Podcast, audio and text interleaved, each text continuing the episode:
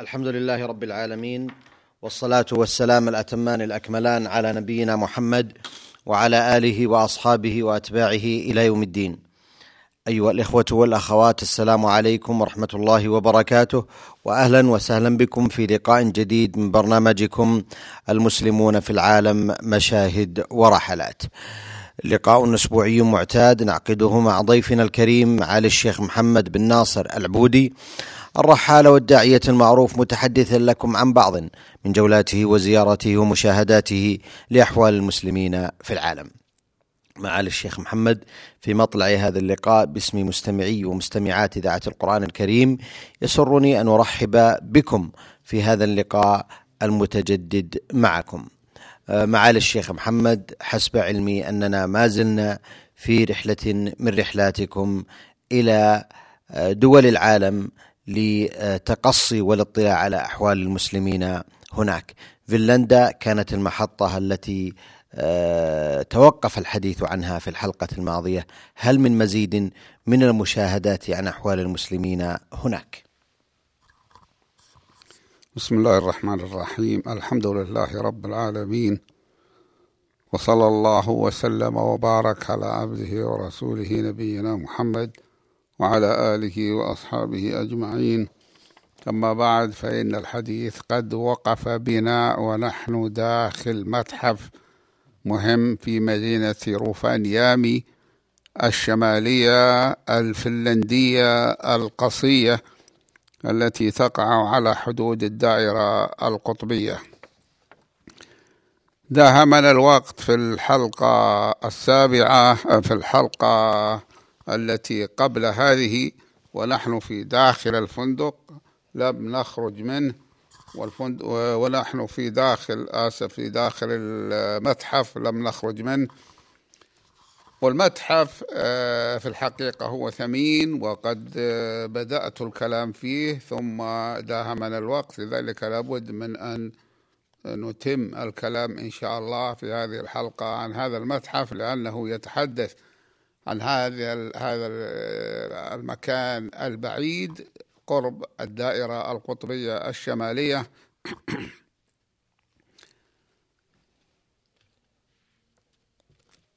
هذا المتحف العظيم يسمى متحف القطب حسب ما فهمنا منه لأنه يشتمل على جميع ما يتعلق بموضوع القطب الشمالي وحياة السكان فيه كما قالوا لنا. وكذلك ما يتعلق بحيوات الحيوان والطيور والأسماك وما يتعلق بذلك. هذا المتحف العظيم الحقيقة أنه لو كان الموضوع موضوع مفاخرة لكان لأهل هذه البلاد الفنلندية أن يفاخروا فيه. وقد انقطع الحديث بنا وهم يتحدثون لنا لأن معنا دليل منهم يتحدث عما عرضوه والحقيقة الدليل ليس ضروريا للذي يعرف اللغة الإنجليزية ولكن نحن من باب الترف نريد أن يشرح لنا ما يحتاج إلى شرح بلغة بالإنجليزية ولكن بلغة واضحة ومن أجل أن نستفهم منه عما نريد أن يشرح لنا أو أن يعطينا مزيدا من الشرح. وقف بنا الحديث وهم يتحدثون عن كيفية معيشة شعب اللاب. شعب قديم عريق بعيد اسمه شعب اللاب. شعب اللاب هذا يعيش في المنطقة المتجمدة الشمالية وهو شعب يعيش حتى معيشته غريبة. أرونا كيف أنهم يقتلون عجول البحر ما تسمى بعجول البحر وبعض الناس سموها كلاب البحر وهي مخلوقات بحرية ولكنها تخرج إلى البر وتتنفس وتتشمس وهي معروفة الآن بعد أن أكثرت التلفازات من عرضها. في برامجها ولكنهم هناك يعتمدون عليها في موضوع الطعام اعتمادا كثيرا. لماذا؟ لأنها مكتنزة الشحم واللحم. ربما لا يستطيع أربعة من الرجال أو ثلاثة أن يحملوا واحدا منها. فيترصد السكان هؤلاء من شعب اللاب يترصدون خروجها من البحر إلى اليابسة. وهي كثيرا ما تخرج في الأيام المشمسة. تريد أن تتشمس ليس ذلك من أجل الدفء لأن الله أعطاها فروة بل فروات داخل أجسامها من آه، من الشحم الذي يقيها شر البرد.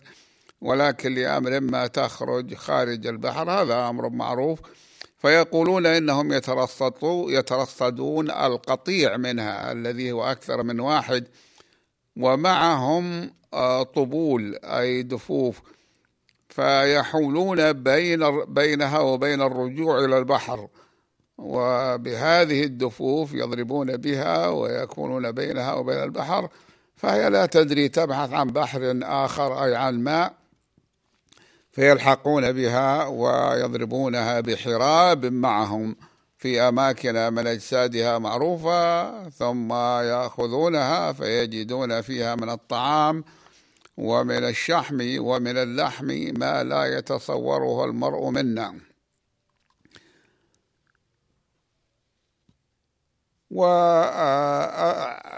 والمهم أن هذه الحيوانات البحرية ولكنها ليست كالأسماك التي إذا خرجت من البحر ماتت بل هذه أعطاها الله أمرا عجيبا في أنوفها فأنفها إذا خرجت إلى البحر إذا خرجت إلى اليابسة تنفتح أنوفها فتتنفس كما يتنفس الحيوان المعتاد. وإذا نزلت إلى البحر أغلقت أنوفها فلا تحتاج إليه لأنها تأخذ الأكسجين من الماء كما تفعل الأسماك من ماء البحر.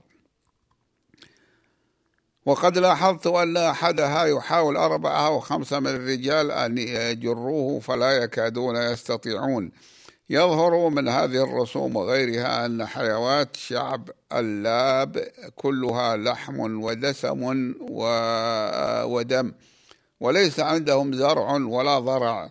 كما يظهر منها أنهم لا يشكون الجوع أو نقص الطعام الذي هو لحم الحيوان والأسماك.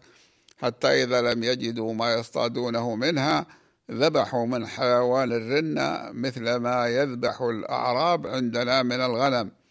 حيوان الرنة أكبر من الظبي وأصغر قليلا من الحمار المعتدل وهو حيوان مستأنس وليس وحشيا فيكون عندهم قطعان ويستطيع الرعي في الأماكن الثالجة يبحث عن المرعى بأظلافه ويعيشون عليه وهو آه، عندهم آه، متوفر وكثير ومستأنس أي لا ينفر منهم.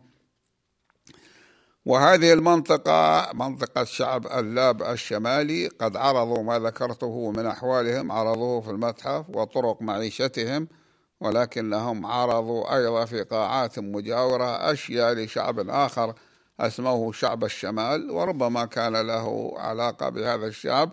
ويبين على وجوه الشعب هذا الذي اسمه شعب الشمال القشف وسوء المنظر وأثر قسوة الطقس وهم يشبهون الإسكيمو إن لم يكونوا منهم وبينوا كيف يلبسون ملابسهم وهي كلها من الفرو حتى السراويل الفرو الذي هو جلد الحيوان بالحيوان الشمالي.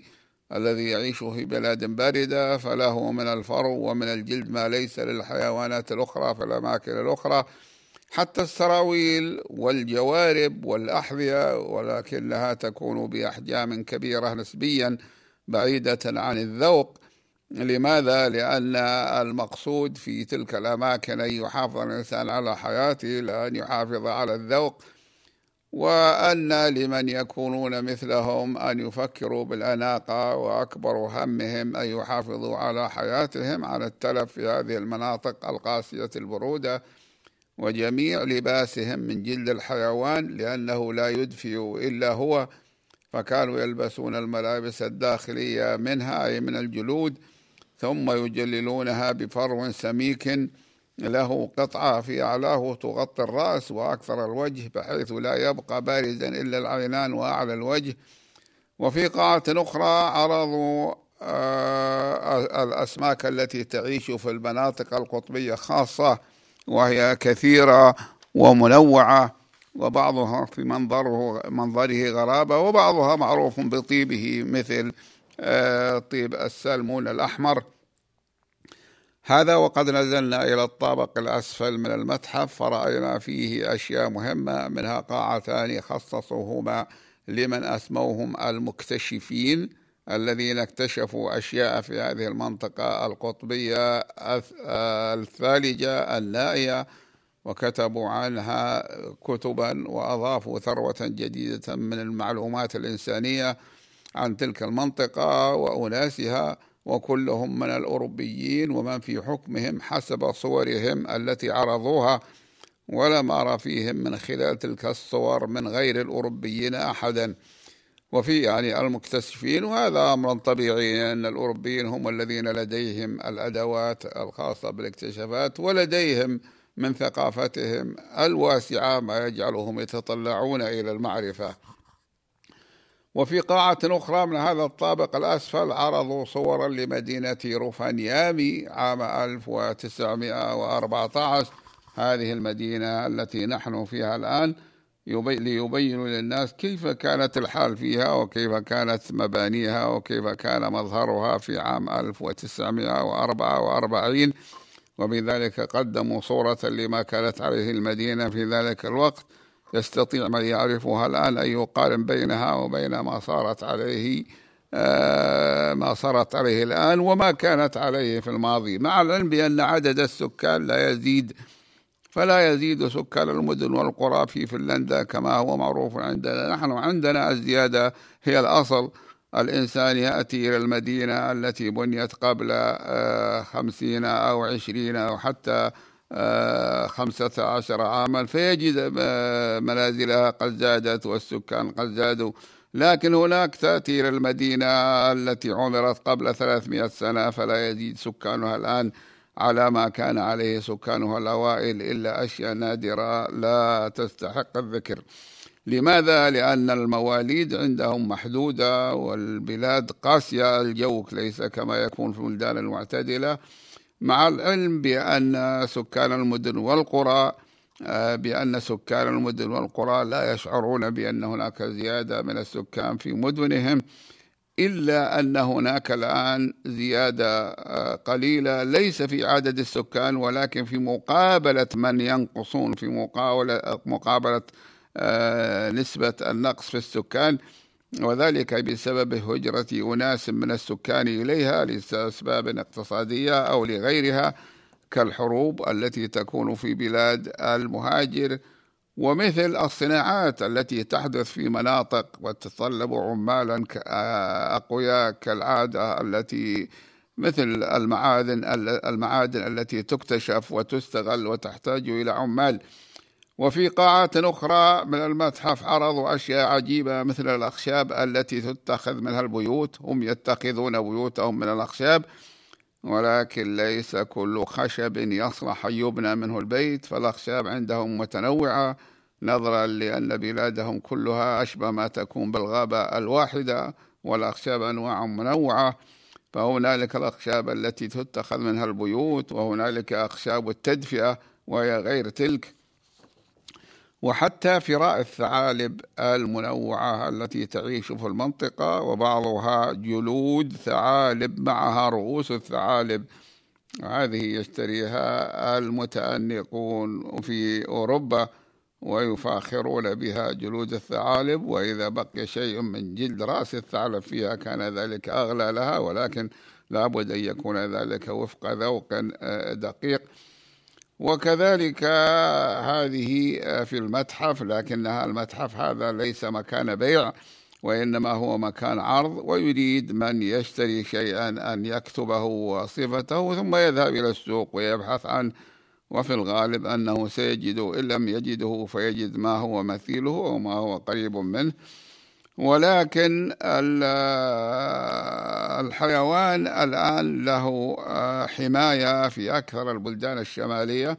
فالناس كانوا في السابق يصيدون الثعالب لا لشيء إلا لكي يحصلوا على فرائها. الآن هذا ممنوع لأن هذه الحيوانات أصبحت حيوانات محمية. لكن توجد مناطق خارج هذه المناطق مثل الشمال من روسيا والشمال من سيبيريا. القوانين فيها ليست صارمة والمراقبة ليست صارمة فيجدون من هناك أشياء فيعرضونها في المتاحف. ولاحظنا أنهم عرضوا جثة آدمي. هذا عجيب جدا هذه جثة الآدمي لم يقصدوا أن تعرض ولكنهم وجدوا آدميا مات منذ مئات السنين وحفظ الثلج جثته لم تتغير. فأخذوها وحن وهي شبه محنطة ليست محنطة ولكن الثلج هو الذي حفظها ونستطيع أن نقول أنه حنطها وإن لم يفعل ذلك الثلج. ثم نقلوها إلى هنا في مكان أيضا مبرد محفوظ وأرادوا أن يعرضوا للناس بعض هذه الأشياء. وها في الحقيقة عرضهم لها ناقص لأنهم يعتبرون أن المبالغة في عرض الإنسان لا تتناسب مع كرامة الإنسان في عرض الميت. ولكن هذه آه، جثة قديمة ولا يعرف من هو صاحبها ولم تعرض بطريقة امتهانية يعني هي محترمة ومكتوب عليها ذلك في المتحف. وفي قاعات أخرى من هذا الطابق في المتحف حيوان المنطقة. هذا مهم جدا. ربما كله محنط بل الصحيح أننا كل الذي نراه منها محنطة وإذا ما رأيت الحيوان هنا خيل إليك أنه سوف يتحرك وذلك من دقة التحنيط. ومن ذلك أنواع من حيوان الرنة التي نحن ذكرناها سابقا وهي ذات ألوان متعددة.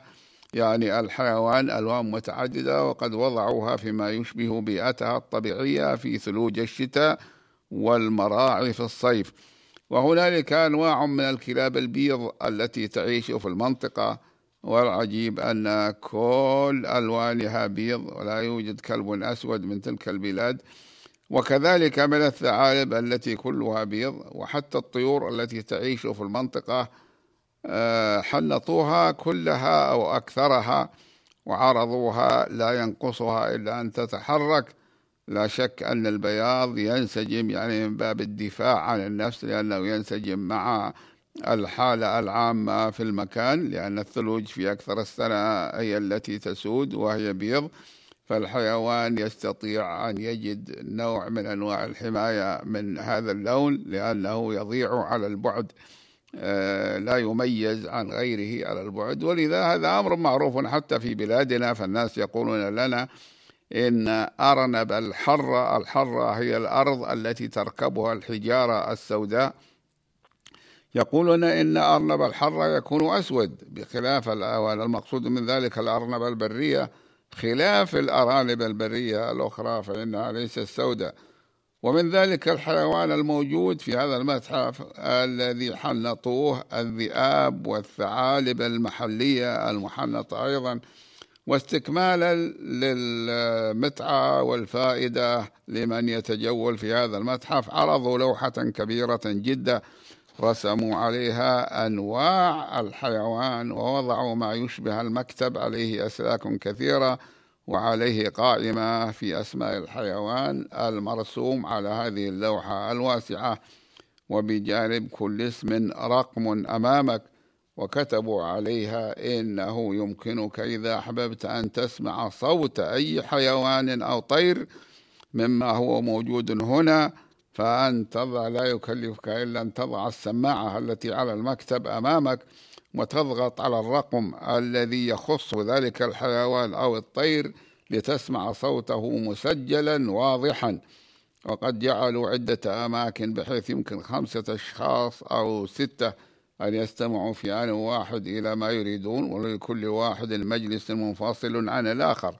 هذا هذه في الحقيقة خدمة إنسانية عجيبة. إن أردت أن ترى الحيوان فتجده محنطا بلحمه ودمه أمامك وتراه وتعجب منه وإذا كان طيرا فإن ريشه لا يؤخذ منه شيء ولا يفقد منه شيء. ثم إذا أردت أن تسمع صوته ضغطت على هذا الرقم الذي هو أمامك مكتوب عليه أنه سيأتيك صوت مثلا الذئب أو ما أشبه ذلك فوضعت السماعة في أذنك وضغطت على هذا الرقم فتسمع صوت ذلك الحيوان أو الطير مسجلا واضحا. وهذا في الحقيقة أمرا عجيبا. ولذلك أنا آه، أحببت أن أسمع عواء الذئاب القطبية من من لماذا؟ لأننا نسمع ونعرف عواء الذئاب العادية الصحراوية التي في بلادنا فهل عواء الذئاب القطبية البعيدة غير عواء الذئاب الموجودة عندنا عندما تعوي من الجوع الذئاب تعوي من الجوع أو الذئب الواحد ينادي الذئاب الأخرى للتعاون على الفريسة وذلك عن طريق العواء الذي هو له كالنباح العوام يسمونه قنيب قنيب الذئب. كما استمعت إلى ضباح الثعالب أنا أيضا طلبت أن أسمع صوت الثعالب. الحقيقة أنني لم أجد في صوت الذئاب عندهم أكثر مما هو عندنا لم أجد فرقا بين ما هو عندهم ذئابهم وذئابنا. كما استمتعت إلى ضباح الثعالب وضباحها بالضاد والباء الموحدة هو صياحها. وكذلك أصوات بعض الطيور وهذا يجعلك تستمتع برؤية الحيوان والطير وترى صورته في هذه اللوحة ثم تسمع صوته. ونستطيع أن نقول أن هذا عاملا إنساني بديع. ثم انتقلنا إلى قاعة أخرى عرضوا فيها أنواعا حقيقية من الزحافات على الثلوج يعني التي شبه آلات أو شبه عربات تزحف على الثلوج. هذه لا بد من أن تصنع صناعة خاصة أي للانتقال في الأماكن أو في البلاد الثالجة. وقد فرشوا ما حولها بالثلوج أي وضعوها فوق الثلوج حتى تعطي الصورة الحقيقة لها في الاستعمال. هذا وقد تعددت القاعات في المتحف وتعددت المعروضات النفيسة فيه.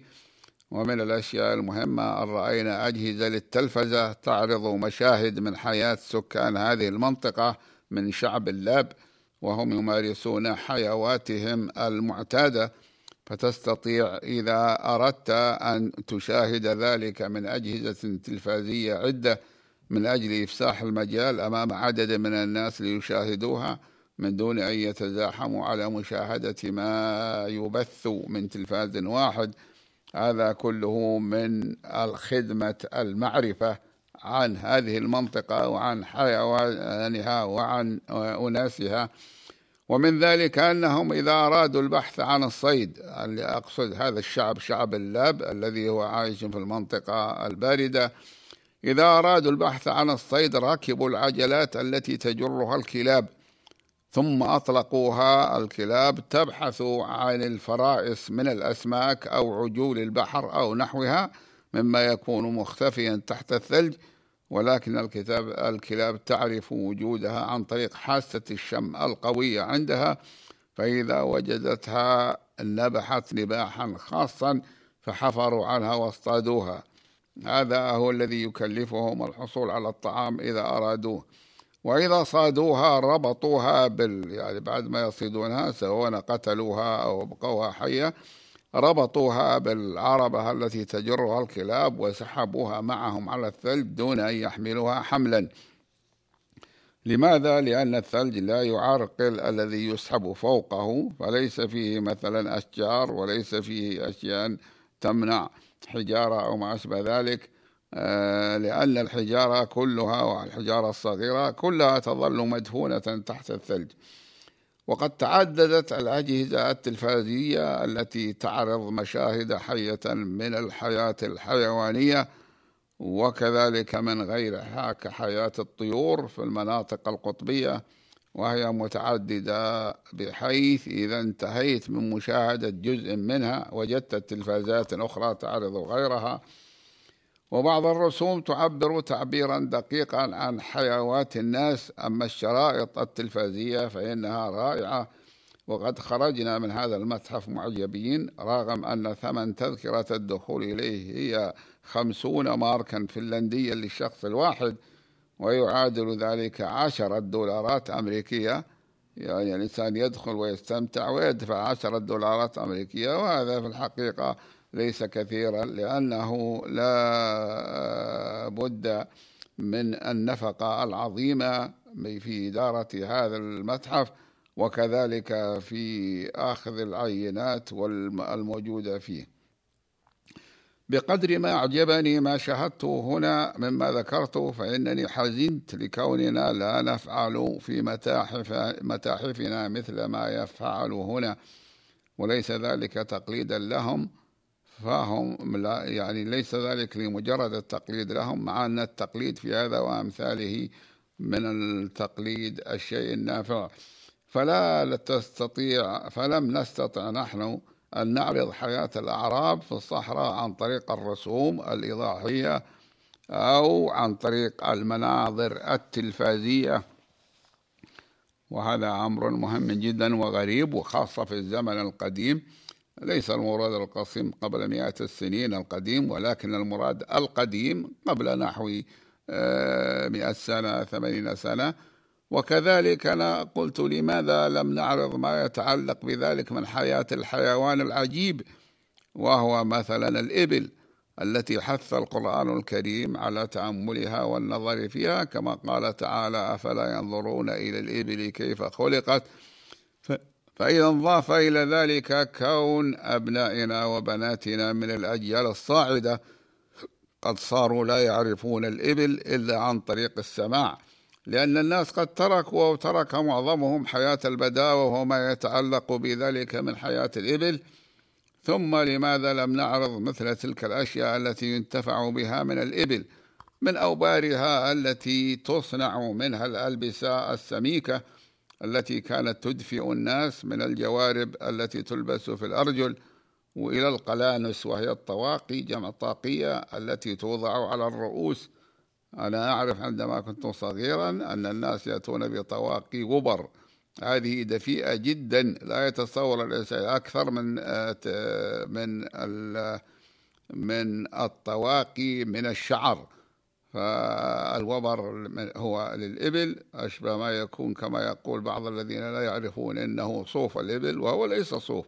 الوبر غير الصوف الوبر هو ما يكون على الإبل والصوف هو ما يكون على الغنم. وفيما يتعلق بألبان الإبل ولحومها وفوائدها ولا بد أن نعرض ذلك ونخبر الناس كيف كان أهلنا والقديم كيف كانوا خاصة البادية وحتى الحاضرة كيف كانوا يستفيدون من ألبان الإبل ولحومها؟ أذكر عندما عرفت الأمور في منتصف القرن الرابع عشر أن معنى كلمة لحم هو لحم الإبل وأن القصابين في بعض الأحيان لا يوجد عندهم لحم غنم وإنما يذبحون لحم الإبل فاللحم معنى أو لحم الإبل وهو لحم رخيص وجيد وثبت علميا أنه ليس فيه ما يؤذي من الكوليسترول الموجود في لحم البقر خاصة وكذلك موجود في لحم الغنم وموجود في بعض اللحوم الأخرى. ولكن هذا خالي فيه ويوجد فيه كما قال الأطباء أنزيمات وأشياء غذائية مفيدة لا توجد في غيره من الحيوان اللحم من حيوان اللحم المذبوح. وكذلك نبين لهم ما نستفيد من الإبل من جلودها. فنحن نسرح نجعلها سرايح أو نجعلها كالحبال وهو الحبل القوي الذي تستخرج به الدلاء وهي الغروب الشبيهة بالحقائب التي تد تدلى من الآبار لتمتلئ بالماء ثم ترفع إلى سطح الأرض. وعشرات بل ربما مئات الانتفاع من الإبل ويقال مثل ذلك في الشجر. لماذا لا نعرض شجرة المباركة نخلة التمر التي تنشر جذوعها؟ يعني نعرضها ونذكر الأشياء التي يستفاد منها ومن ذلك أن جذوعها تنشر وتجعل أبوابا من الأبواب الخارجية للبيوت وخوصها يستعمل حصرا ومراوح وحتى مراوح يدوية. وحتى تستعمل منها النعال في داخل البيوت القديمة وجريدها وهو العسب جمع عسيب ينتفع به في وضعه فوق الخشب وتحت الطين في تسقيف البيوت إضافة إلى طلعها الذي هو نعمة وغذاء يؤكل بسرا ورطبا وتمرا وإلى وسائل خزنه حتى إلى كيفية استخراج الدبس منه. وكيفية وجود الدبس الذي يسميه أخواننا المصريون عسل النخل. هو في الحقيقة ليس عسل ولكنه شبيه به. وهناك شجرة أخرى كانت مهمة في بلادنا وانقرض الانتفاع بها. وصار الناس لا يغرسونها الآن وهي شجرة الأثل. إذ كانت تصنع من أخشابها الألواح التي نصنع منها الأبواب لا يعرفون لذلك خشبا غيرها. كما كانت أخشابها تسقف بها البيوت لا يعرفون لتسقيف البيوت بغيرها في القديم وكانوا يصنعون منها القصاع جمع قصعة. والقصعة هي الإناء من الخشب الذي يؤكل به وكذلك الصحاف جمع صحفة أو جمع صحفة كما تقول العامة عندنا. وكذلك المواقع جمع موقعة أو ميقعة. وهي كالصحن من الخشب يوضع فيها الطعام الحار ويؤكل من منها. إلى جانب عشرات من أوجه الانتفاع بالأثلة وخشب الأثل. لماذا لا نعرض هذا؟ وبعض أبنائنا لا يعرفونه فضلا عن الأجانب. هنالك أيضا الحيوانات الكثيرة الصحراوية الغريبة. مثل آه، وجود آه، السباع كالذئاب والضباع والسنانير المتوحشة. السنانير المتوحشة جمع سنور وهو الهر أو القط. هنالك هررة متوحشة شرسة. لا لا توجد في البيوت لأن ولا تأكل هي أبدا إلا الذبائح لا تأكل إلا اللحم. هنالك أيضا اليرابيع التي نسميها الجرابيع جمع جربوع وكذلك الوبارة جمع وبر وكذلك الضباب وأنواعها جمع ضب والقنافذ. ومن القنافذ أيضا النيص الذي تسميه العامة شيخ القنافذ. لماذا لا نعرضها؟ وفيه متحة كبيرة إذا كان آه، محافظا عليه. وقد خرجنا من متحف القطب هذا في الخامسة عصرا وسرنا مع الطرق الجي الطرق الجيدة في المدينة المدينة القطبية هذه. هي الحقيقة ليست قطبية بينها وبين الدائرة القطبية سبعة سبعة كيلوات ونحن ذكرنا هذا من قبل سبعة كيلومترات. ولكن بطبيعة الحال الطقس لا يتغير على مدى سبع كيلومترات. وذكر أن درجة الحرارة في المدينة كانت في العام الماضي 43 درجة مئوية تحت الصفر في الشتاء.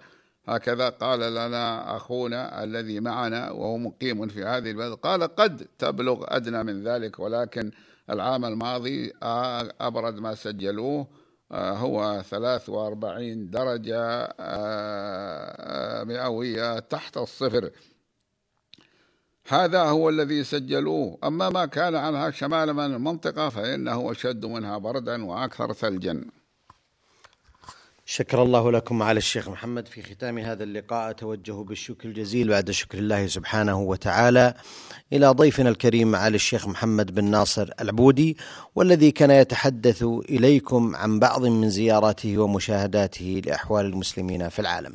نلقاكم أيها الإخوة والأخوات على خير في مثل هذا اليوم من الأسبوع القادم.